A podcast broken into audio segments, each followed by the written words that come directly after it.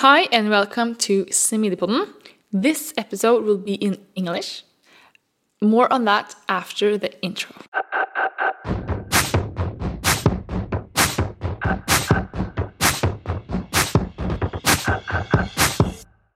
Velkommen, rebeller, utfordrere. Dere som driver oss fremover og krever mer. Dere som vil gjøre en forskjell. Skape magiske arbeidsplasser med lykkelige mennesker som skaper produkter som kunden deres elsker. Men 75% av nordmenn føler lite eller ingen engasjement i jobben sin.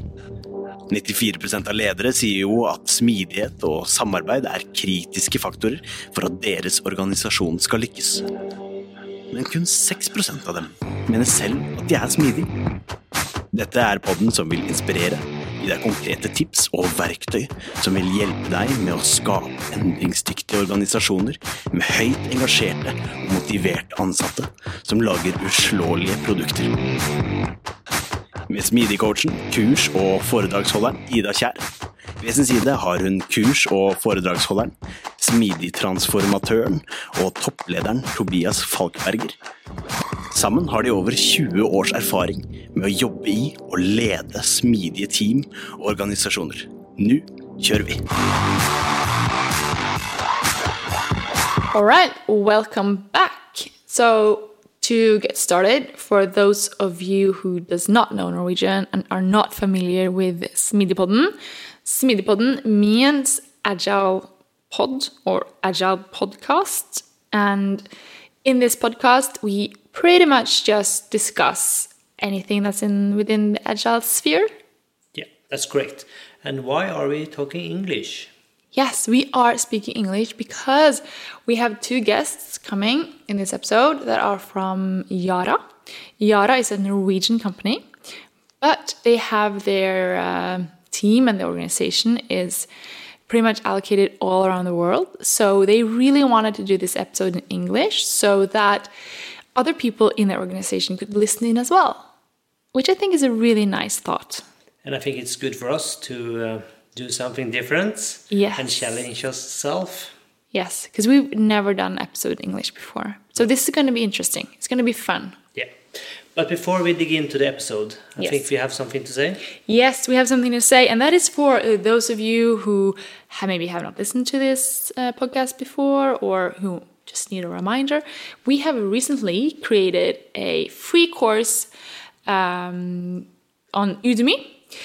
The course is all about how you start up with your agile transformation. So we start off with the five principles, no, sorry, five trademarks of an agile organization that McKinsey developed. Um, yeah, and we just pretty much just dig into those. Yeah. It's about 55 minutes. Yeah, so that's something you could definitely check out if you're interested. Yes, we'll add the link in the speaker notes. Yeah. Cool. So, with no further ado, shall we get our guests in here? Yes, so our guests for this episode is Joachim Lindberg and Tonje Norheim, and they are both from Yara. So let's just dig in. Welcome, Tonje and Joachim. We are Thank you so really, really excited to have you guys here. Excited to be here. So maybe we can just kick this off with you guys like telling us who you are and yeah. Yeah, so I'm Tonje. I work as application delivery manager. So I have a line manager role. And I'm also the release train engineer for CRM in Yara. And CRM stands for Customer Relationship Management. I can go next. Uh, yeah, my name is uh, Joachim. I am working as a product manager at uh, Yara, and I am the responsible for our CRM solution at Yara, which is Salesforce. Been at the company now for uh, three years, and previously it's been kind of intersection between customer experience and product development since I left school now about 10 years ago. I can give a short introduction of the of Yara and what we do. So Yara is a Norwegian chemical company. We are uh, the world's leading fertilizer company and provider of environmental solutions. And kind of what we try to do and what we aim for is to address global challenges when it comes to food scarcity and protecting our planet. So making sure that we create positive change. Our uh, mission is to feed the world and responsibly protect the planet. You know, it's like you get out of bed in the morning and you already understand what your mission is, and that really kicks you in, uh, in a positive direction. And if not, all people know it. So we were established in 1905 as Norsk Hydro, and departed with the Norsk Hydro in 2004, where we became a own company with the name of Yara. And I think now we are around 16,000 people worldwide, and we operate in about 60 countries with a revenue of around $13 billion, I think, in 2019. Headquarters still in Oslo? Headquarters still in Oslo, yes. So How many employees in Oslo? 400 maybe, if you take business and the IT side of it. And we are split in two buildings. So we have the HQ, which is at, at Skøyen, and we also have another uh, building close located to the headquarters in at Skøyen as well, where we have our IT department. And then we have a factory in Porsgrunn. Cool. So you guys have been through or sort of are in the middle of some big changes, which is why you're here to share from your experiences. So do you guys want to start telling a little bit about that? So now we are talking about specifically the area that is CRM, so customer Yes. relationship management, right? So this we're not talking about Yara as a whole or we're we're talking very specifically about that. So back in 2016, we started in Yara to focus more on getting closer to the farmer, getting 360 degree view and really understanding our final customer better. Yeah, it sparked as an initiative for the farmer-centric project. Mm. And as a part of that, Yara wanted to have customer relationship management system that was a global one. So before it was a bit different how you did it in different countries. So maybe in one country you would manage it with a certain application, right? And then in another country maybe you use Excel to manage your business a bit more, right? So it was a bit varying. So where this started initially was that there was a an ambition to have a global customer relationship management system. It was set up as a traditional project, and we used to have as one team for the maintenance and just fixing errors back in the day, and then we used to have other teams, project teams, working on rollouts and working on new functionality, right? So kind of a traditional setup. Yara was very good or still very good to do big projects. Yeah, there's definitely an established process on how we're managing larger initiatives like this CRM rollout. And the the original ambition with this CRM project was to roll this out to all of Yara countries worldwide. That was the initial ambition. And of course, it needs to then be very, very carefully managed through all the different decision scales that we're making the right decision at the right time. So it kind of had a very classical organizational setup when it comes to managing a large project with kind of then very Yara specific roles that we always have in all the different projects, like a project owner, you have a project manager that is uh, working on all different types of responsibilities throughout the project. But then what we saw after some time, after some years, couple of years, we started to identify different, let's say, problematic areas, right? One thing was that we felt like there was a certain disconnect between us and the people in the markets, really who are using the system, right? And also, we saw that there was a lot of coordination, a lot of handoffs, a lot of inefficiencies in the way that we used to work. Could maybe give an example of that. So, if somebody in Colombia wanted something new, they would first describe their need, right? And then they would put it into an Excel file and then they would send that to a functional architect. And that was at the time a consultant working with us in Oslo. Then that functional architect would review that and say, okay, this is fine, you can proceed.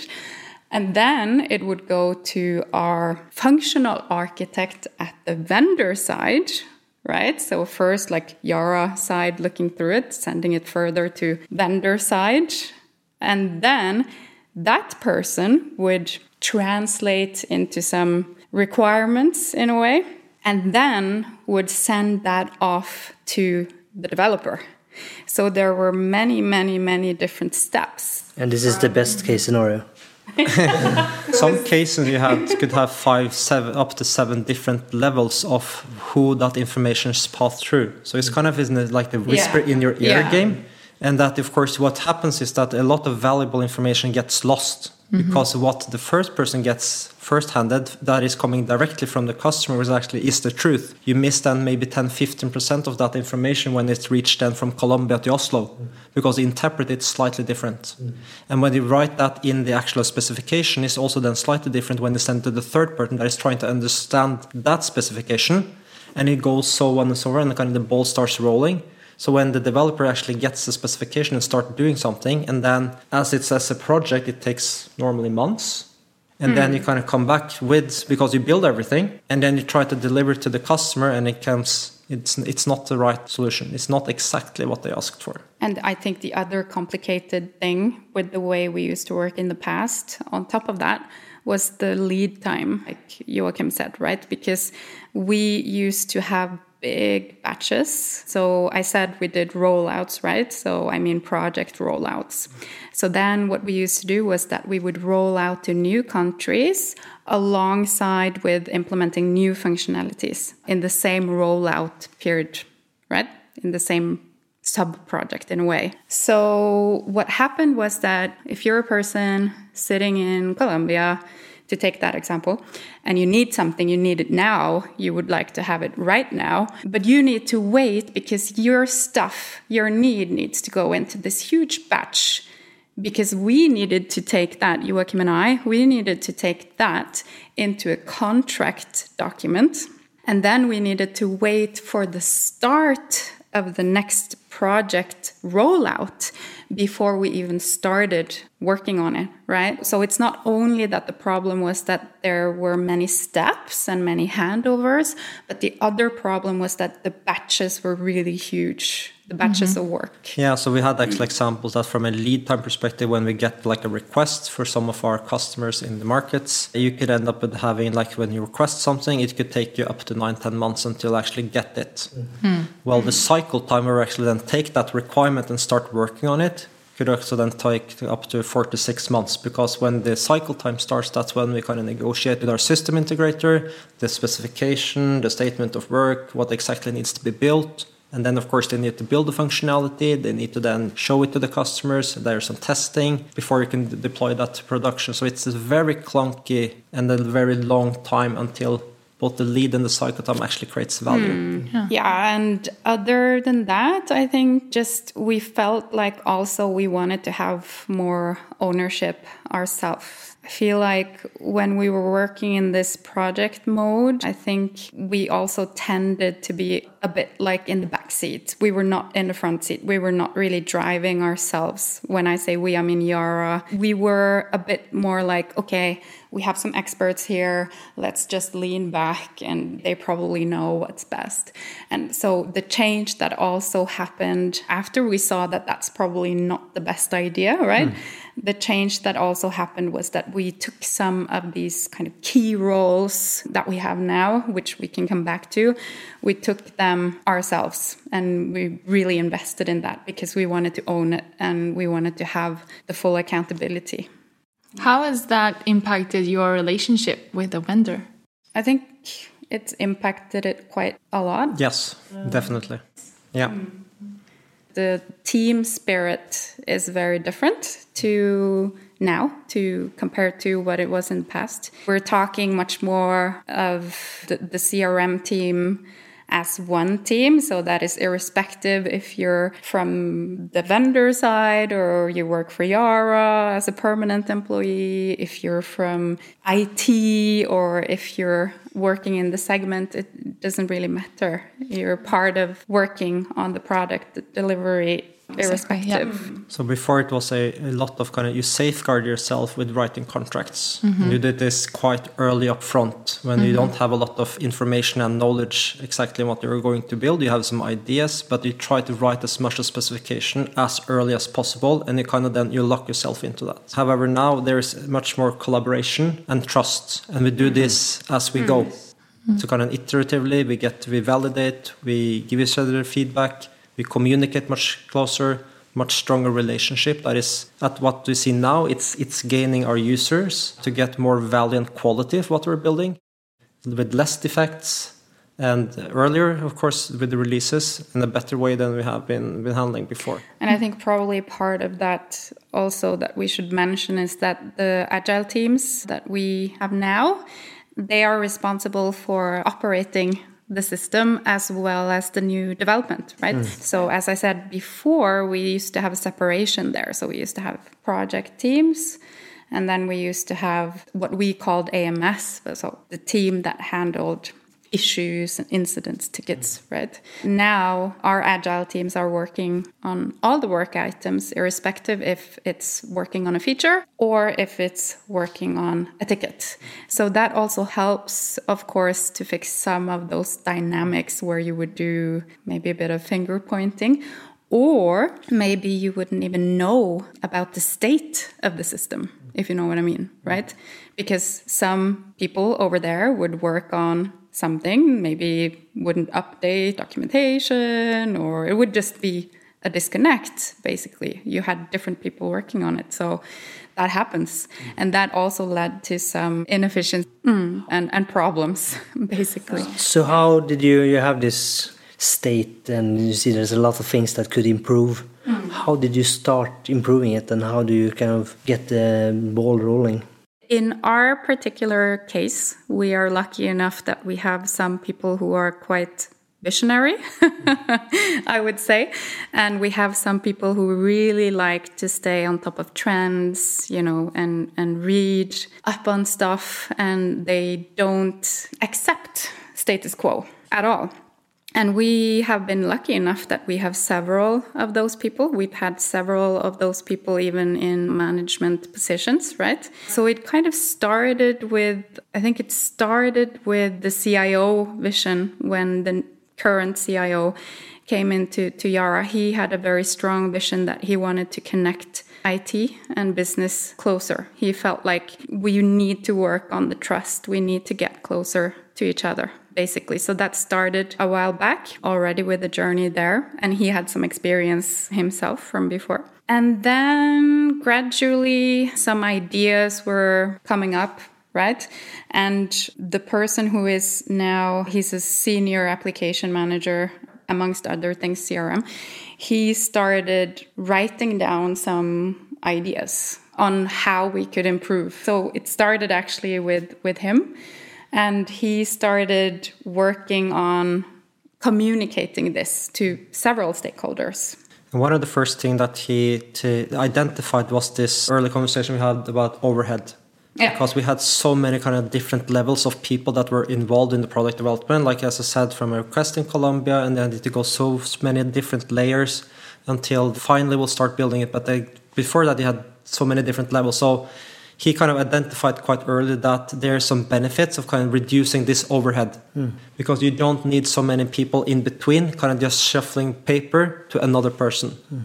So if you remove all of this overhead, you have the possibility to become much more lean and also closer to the market to then take those requirements to actually create value and do it much faster than you currently do today. So that was at least for me in the product development or sorry the product management team, it was an eye opener because when we kind of then tried to review the current setup we had, when we looked at kind of the hierarchy, all of the people, we actually could pinpoint like these people are actually redundant. Mm.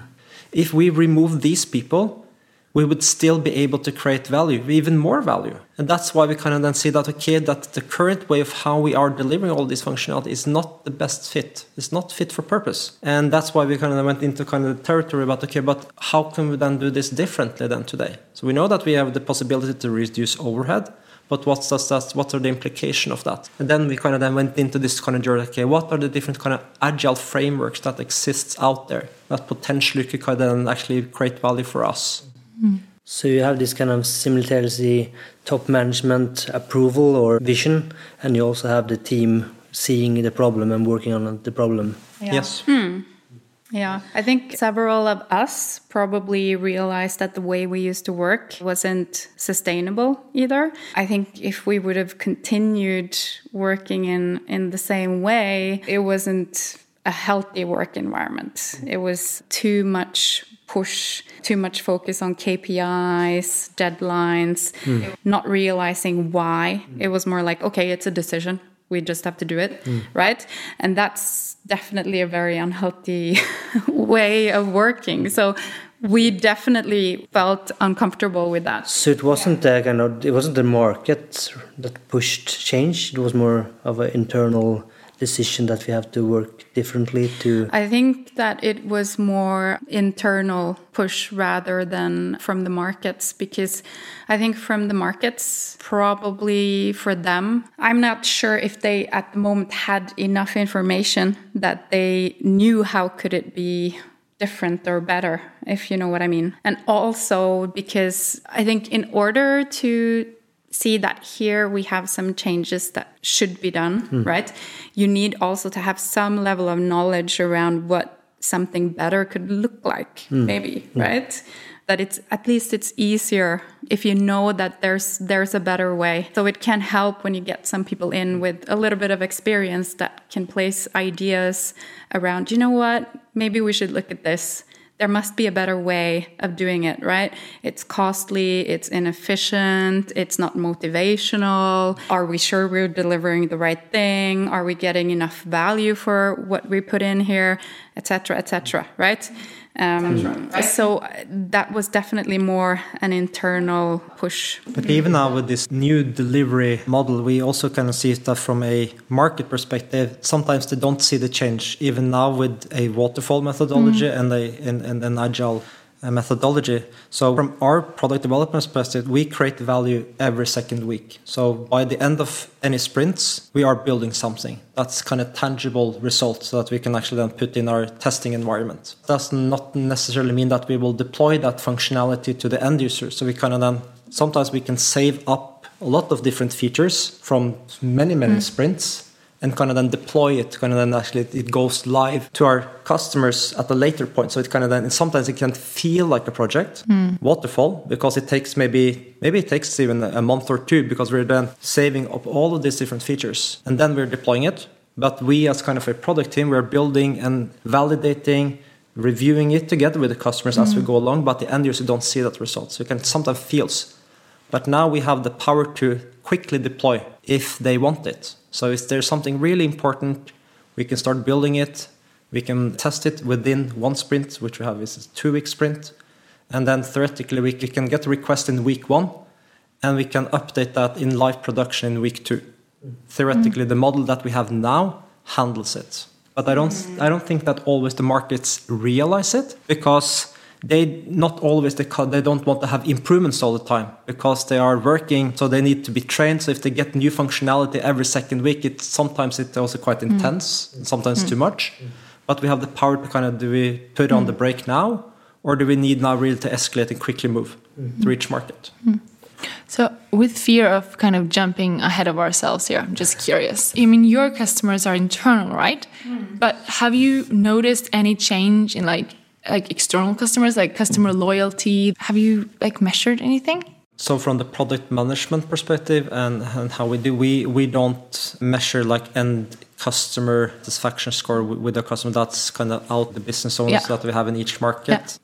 But we don't have it from our perspective. We don't have. We are kind of a delivery team that is available to create value out there, and they, they are the ones that kind of take a decision on the direction and what to prioritize, and we are then uh, kind of executing on that. All right, but before we dig deeper into this, can you tell us a bit more about your CRM system?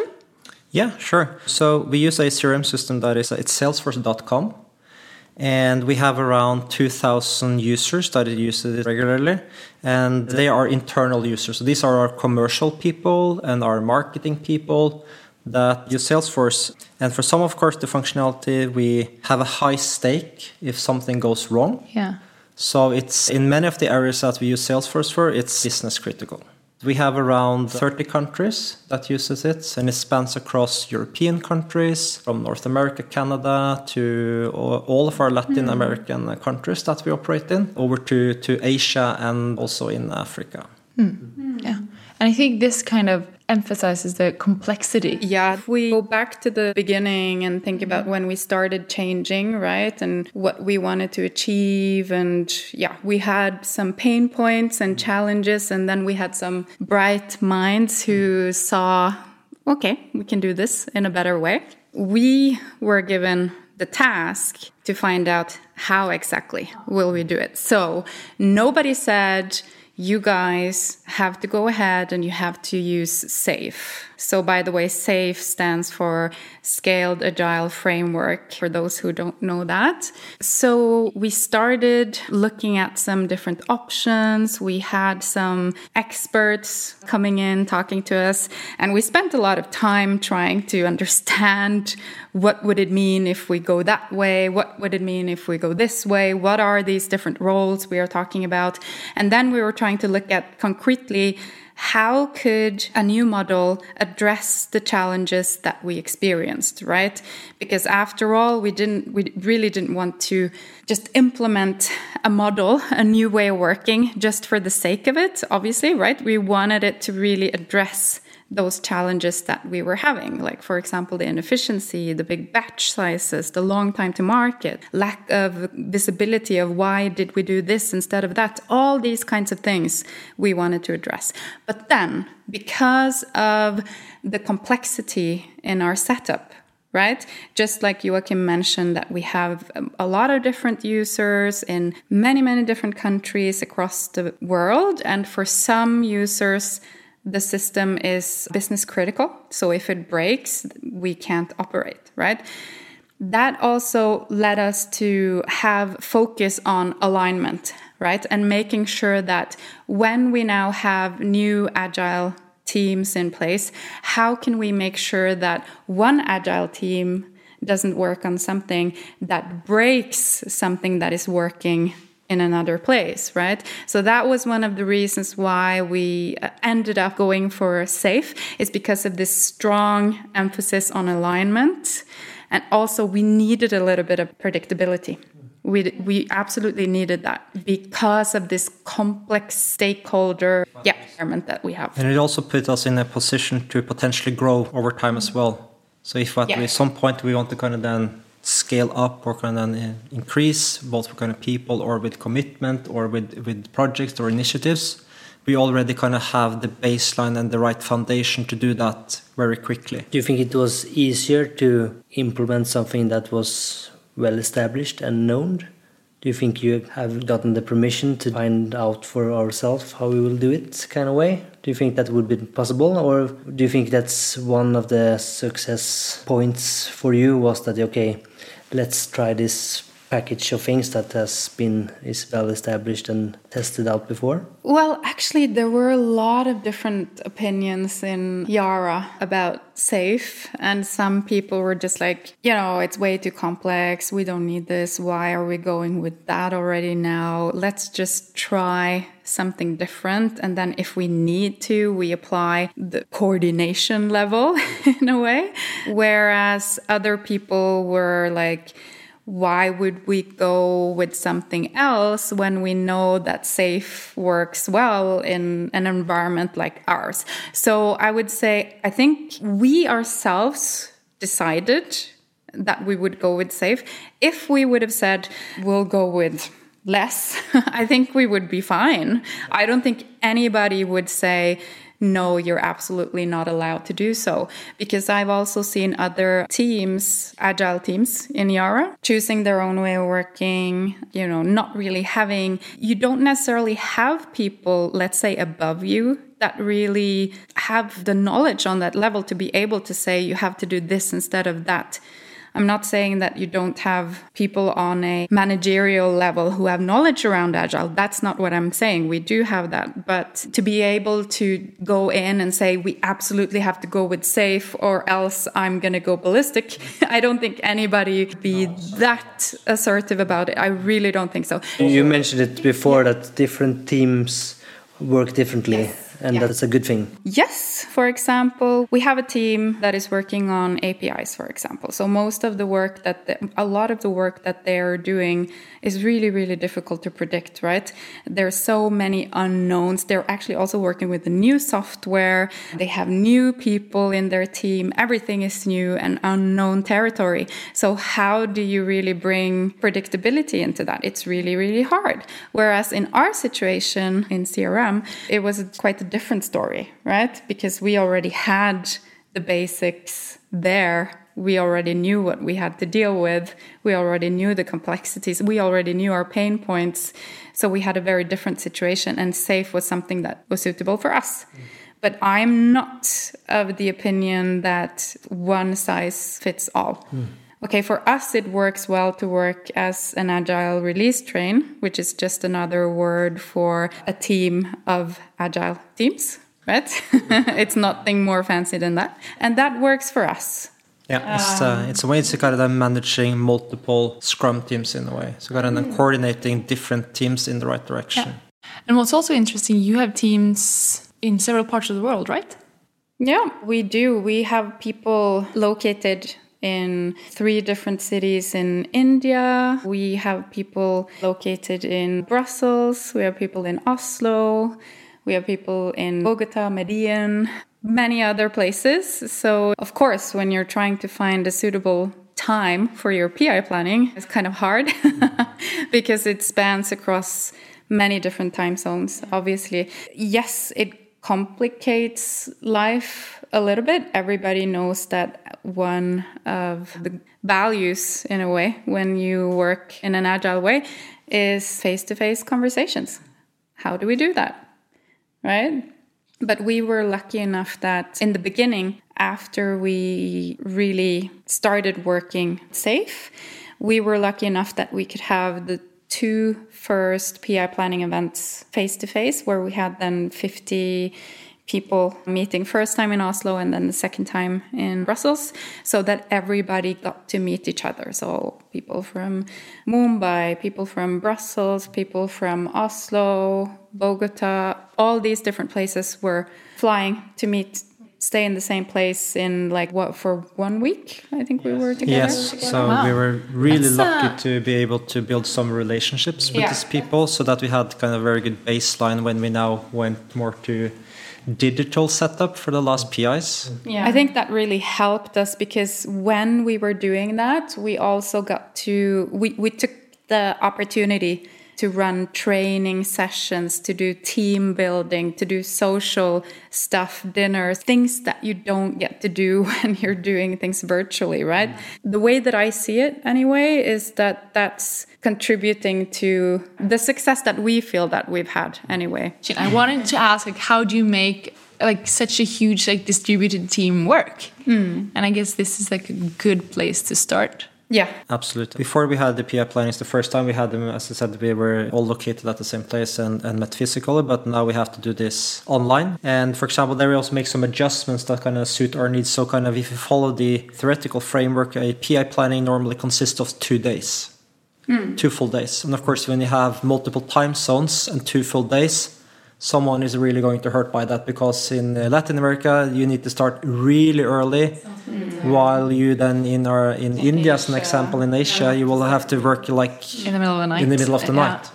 So we had to make some fine tuning there. So instead of having two days of PI planning, we decided to have more days and shorter time. yeah. Because to multi kind of then to cater for the different time zones that we have from Latin America to, to, to Asia. So instead of having two days of PI planning that we had the first two times when we had them uh, on site and face to face, we now have four days of PI planning, but with fewer hours, so that people in Latin America can sleep slightly longer and our PI colleagues in, in Asia can go slightly earlier to bed.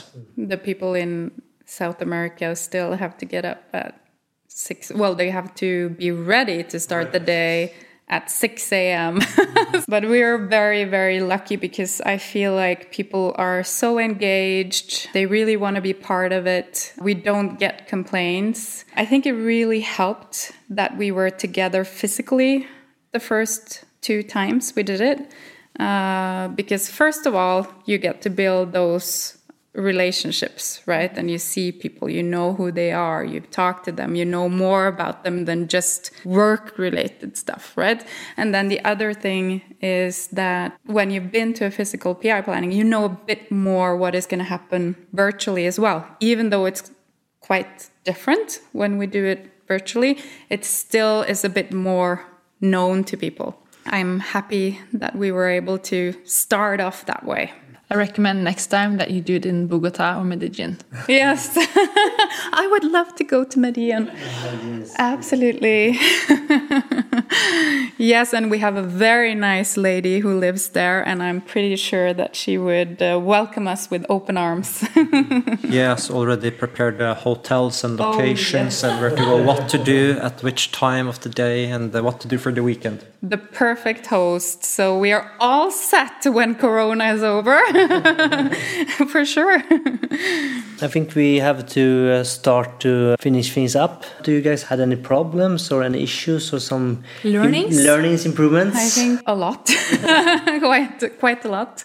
When it comes to the the learnings, I think one thing from my side is that training people is not enough. So, if your company is interested in doing something like this, training is not going to be enough. You need people involved who have the experience. You should get a coach or several coaches, depending on the size of your team. And also, another thing I would say is, at least reflecting from my personal learning, is try not to be too impatient.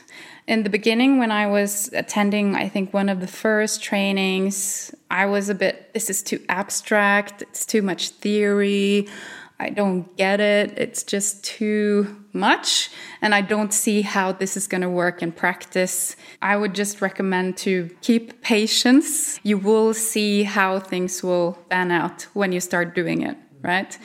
But that part about having coaches is an absolute success criteria for me.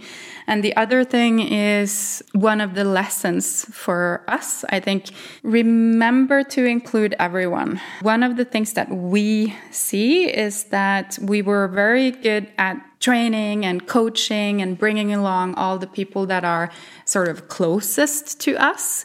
But then I think we missed some of the stakeholders. We we missed out a little bit.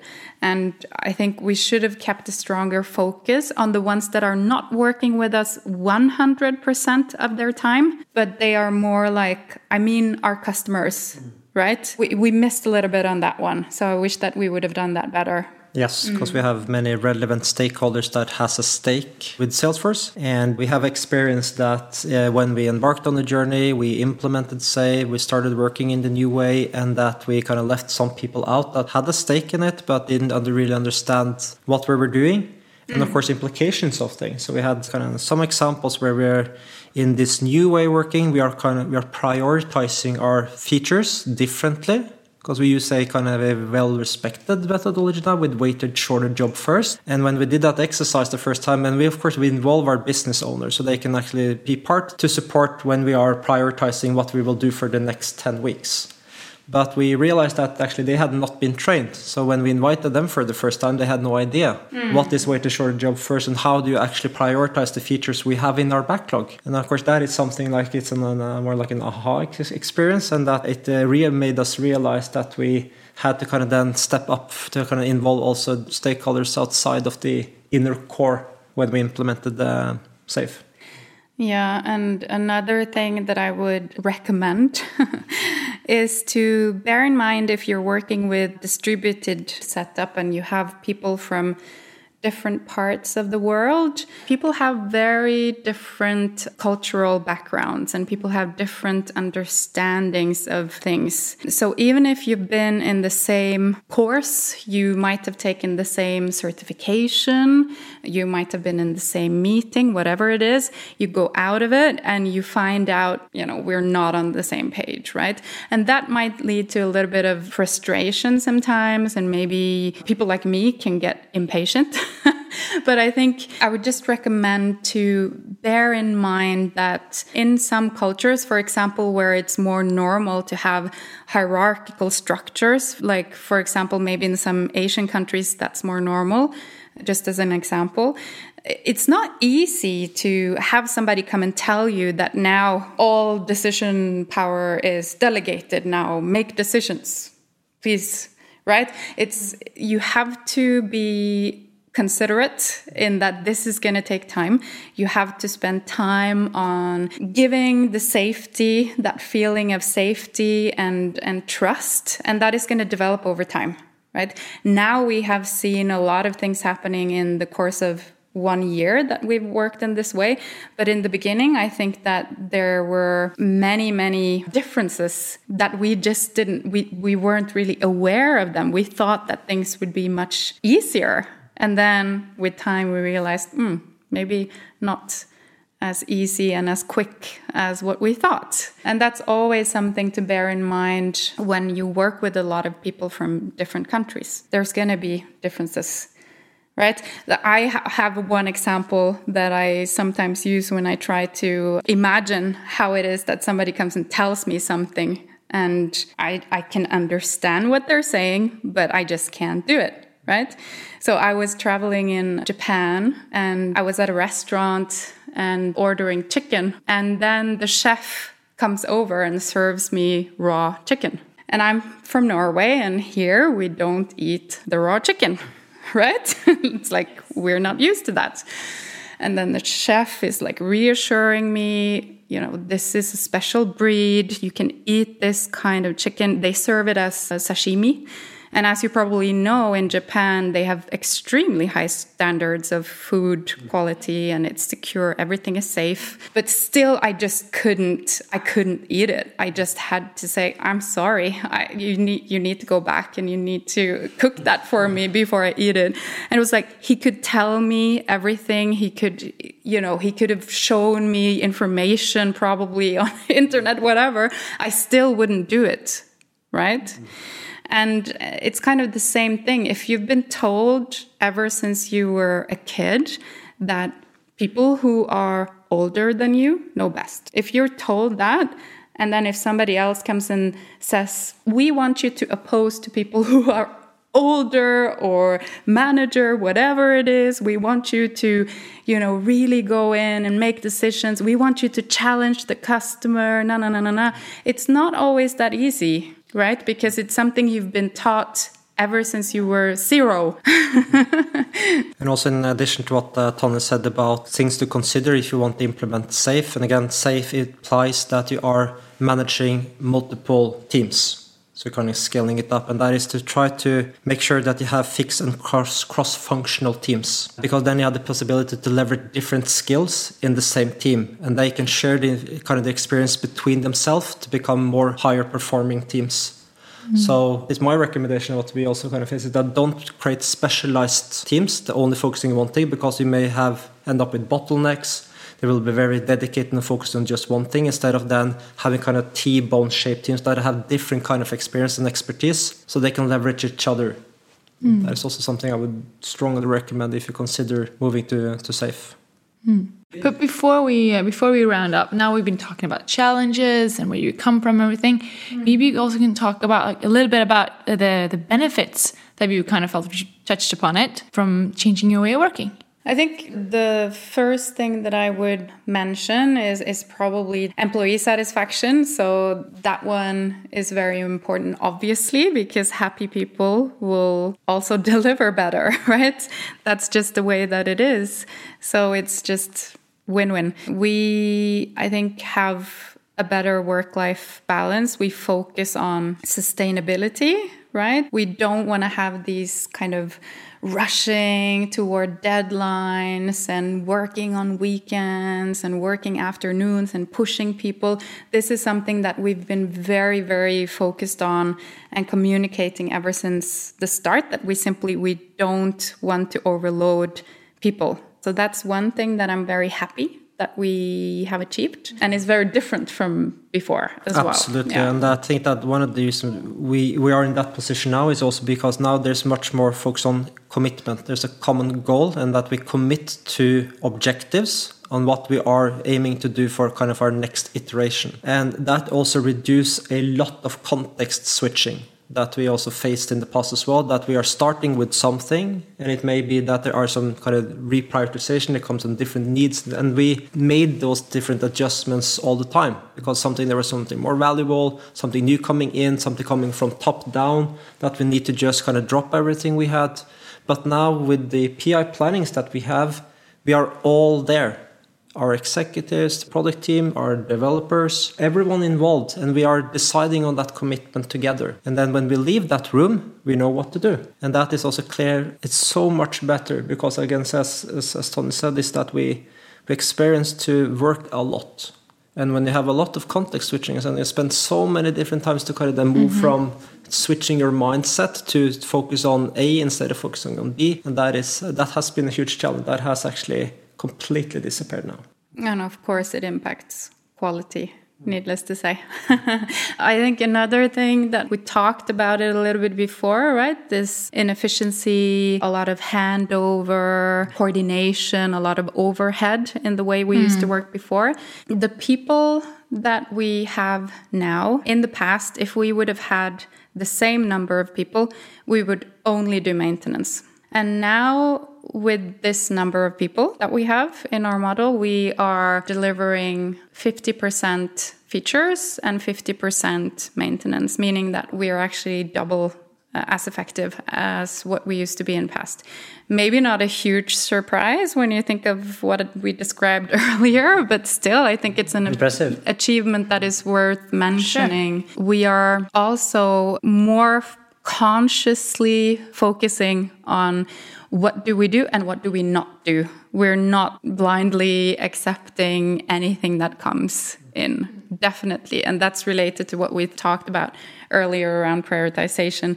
We have a way of prioritizing that is working much better than before, and we stick with it. Mm. And you don't need to think about any kind of financial calculations or numbers in the equation of prioritizing the backlog because you can just do it relatively toward each other, which we do with weighted shortest job first. Of course, there's some dimensions. The, the, the beauty of that that it also becomes objective. So if you kind of have stakeholders in the group that kind of from like a, you have the hippos, the typical hippos that is like screaming like if I don't get this now, that will have such a huge severe impact for us that we just need it tomorrow. And they could get that capacity reserved, but now there's an objective way of prioritizing and doing the right things at the right time. That creates value for the company, not only for kind of then individual stakeholders that is participating in prioritizing the backlog. Yeah, and that's a bit of SAFe specific terminology, but it is called, and I think you mentioned it, weighted shortest job first. So if anybody's interested in that, then you can look it up and see if it's something that can help you to prioritize. For us, it's helped. And also, we don't spend time on making like business case for a feature. We don't make a business case for that level. That's more on epic level. So I think that makes sense for us because we have now a stable level of investment. We have a stable teams right now, so we know the running cost. We have a huge backlog, uh, which is a different story. But we can then look at that backlog together with our stakeholders and do this prioritization together with them. We don't do that in an isolated environment. We don't do that in a room behind closed doors. We do it together with the people out there who have asked for this, mm-hmm. which is so much better than having somebody just, yeah, this is the priority, no reason given, right? That's that's the worst. Good. I think we have now have to start with the last five questions. Yes. Right, should we just kick it off? Yes. So, what would you guys tell your 20 year old selves? when I was 20, I was studying in the Norwegian School of Economics in NHH. I would probably tell myself to try to enjoy life and just enjoy being a student.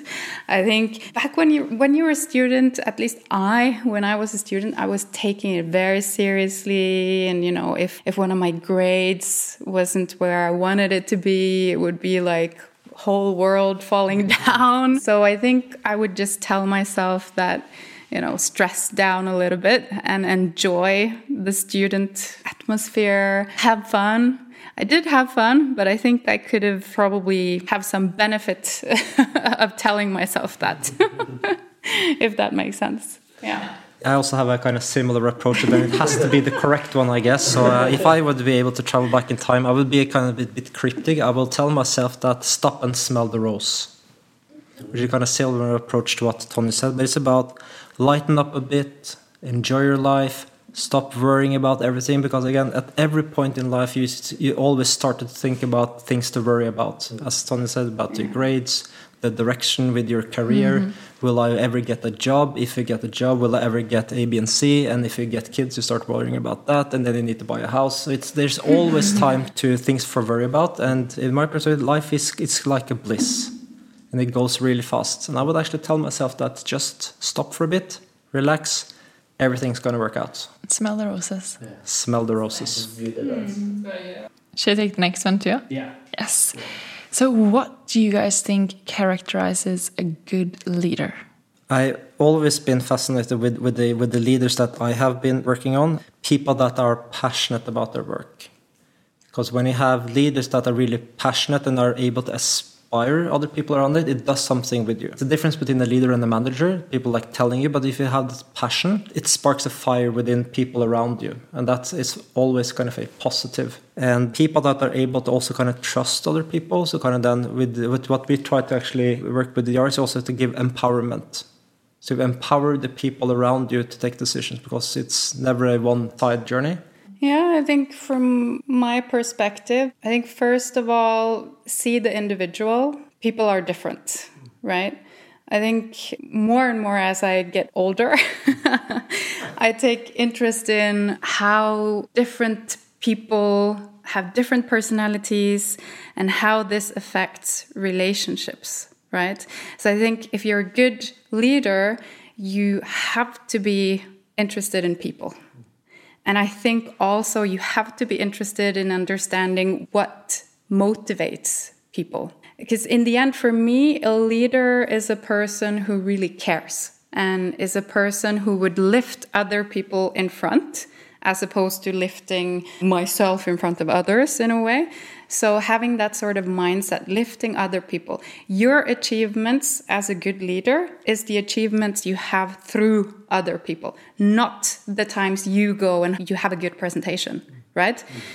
Another thing that I really care about is being open for ideas. I really like when a leader and, and people in general are open to new ideas and don't think that I have the answer, I've done this, I know how it works, and sort of that's it. I really like when people are open to seeing different points of view.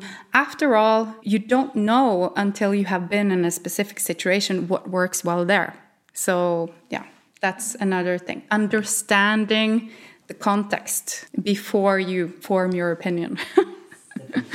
Jid, do you have guys have some tips if you want to establish a more adaptable company that handles change better? Yes, I think we touched upon it a bit earlier. So, one thing is it takes time, have patience, right? People come from different backgrounds, they have different stories, they have different views of how things work. Have patience and, and don't give up easily.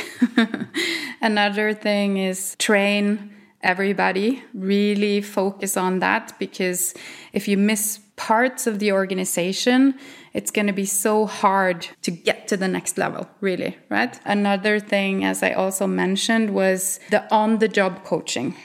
That's like essential for me, especially when it comes to agile transformations, because it's so radically different from the more traditional way of working. And people are going to fall back into their pitfalls and old ways before you know it. And you're going to do it yourself as a leader. You're going to fall back into that, trying to control, asking for status on this and that. You're going to fall back because you feel like I need to, I don't have control anymore. But if you have a coach there to help you identify when that happens, help you see when that happens and how you could have done differently, giving you direct feedback. That is going to take it to the next level. So just realizing that change really is something you have to take seriously and, and the people side of it, you have to take seriously.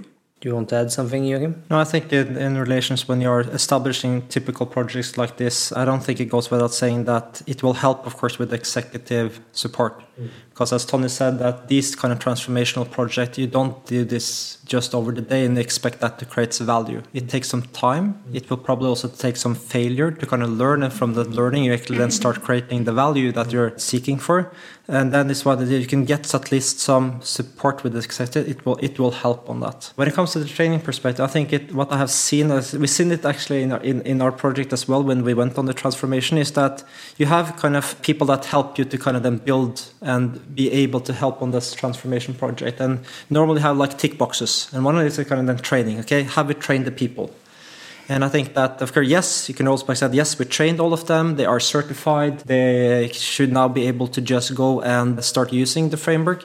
But I think that it's so extremely important to have this continuation of training and agile support. I can mention it again and again and again and again because it's from personal experiences that when I did all the different certifications, all of the different trainings, then the next day I learned something new. So I kind of attached the theoretical framework with some practical experience. Mm and then you kind of you are a new better version of yourself but then you need to kind of then you need to you want to learn more and if you kind of then only do this one time training you will never kind of really become a better yourself and so i think that invest in the continuation mm. it's so important jude do you guys have any books you would like to recommend? It could be a podcast or a youtube video as well but uh...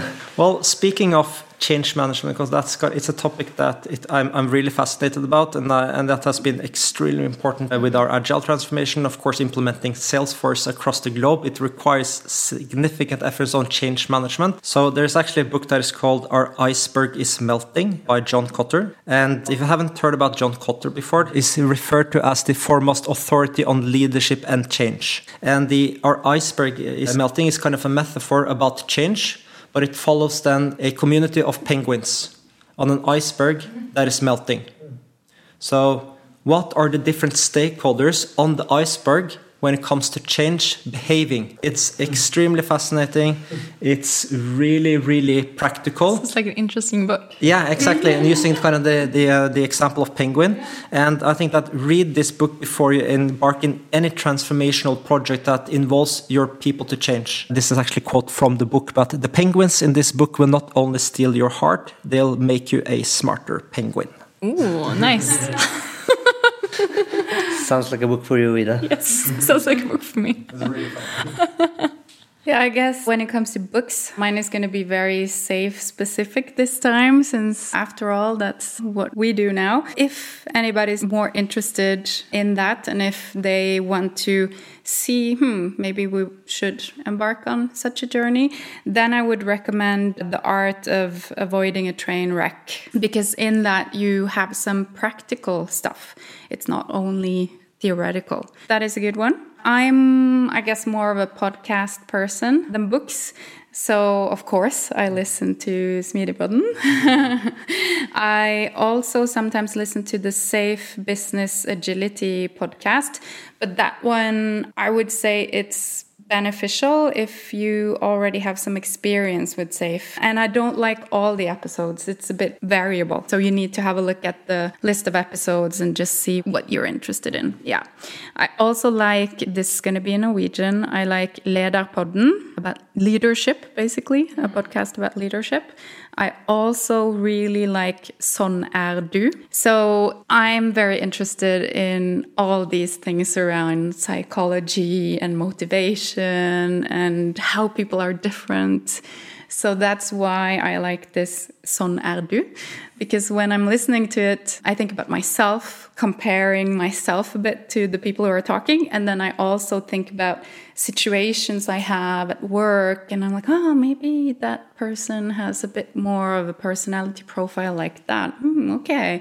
Trying to understand a little bit more the, the relationships that I have. I find that interesting. I think that's a podcast for me. I like a little bit of psychology. okay, so the last question if any of our listeners wants to get in touch with you, how should they do it?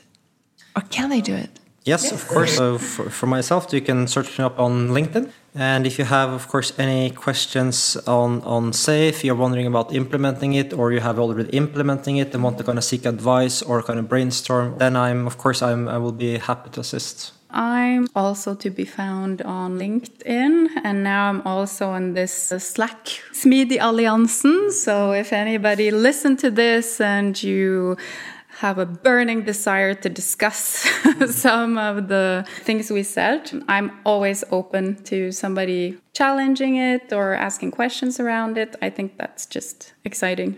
All right. All right. So I want to say thank you so much for coming. Thanks for having us. Yeah, thank you so much for having us here. It's been a blast. All right. Right. So bye bye. Bye.